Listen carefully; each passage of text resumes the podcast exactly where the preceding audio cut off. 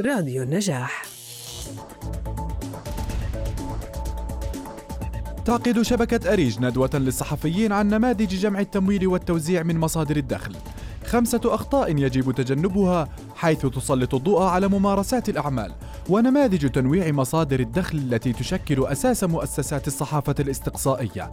إذ يرشح المتخصصون خلال هذه الندوة كيفية تصميم استراتيجيات لجمع التبرعات وبناء خطة للإدارة والتطوير وضمان استمرارية عملها. وذلك عبر تطبيق زوم يوم الاثنين الموافق الخامس عشر من نوفمبر في تمام الساعة الثانية مساء بتوقيت عمان.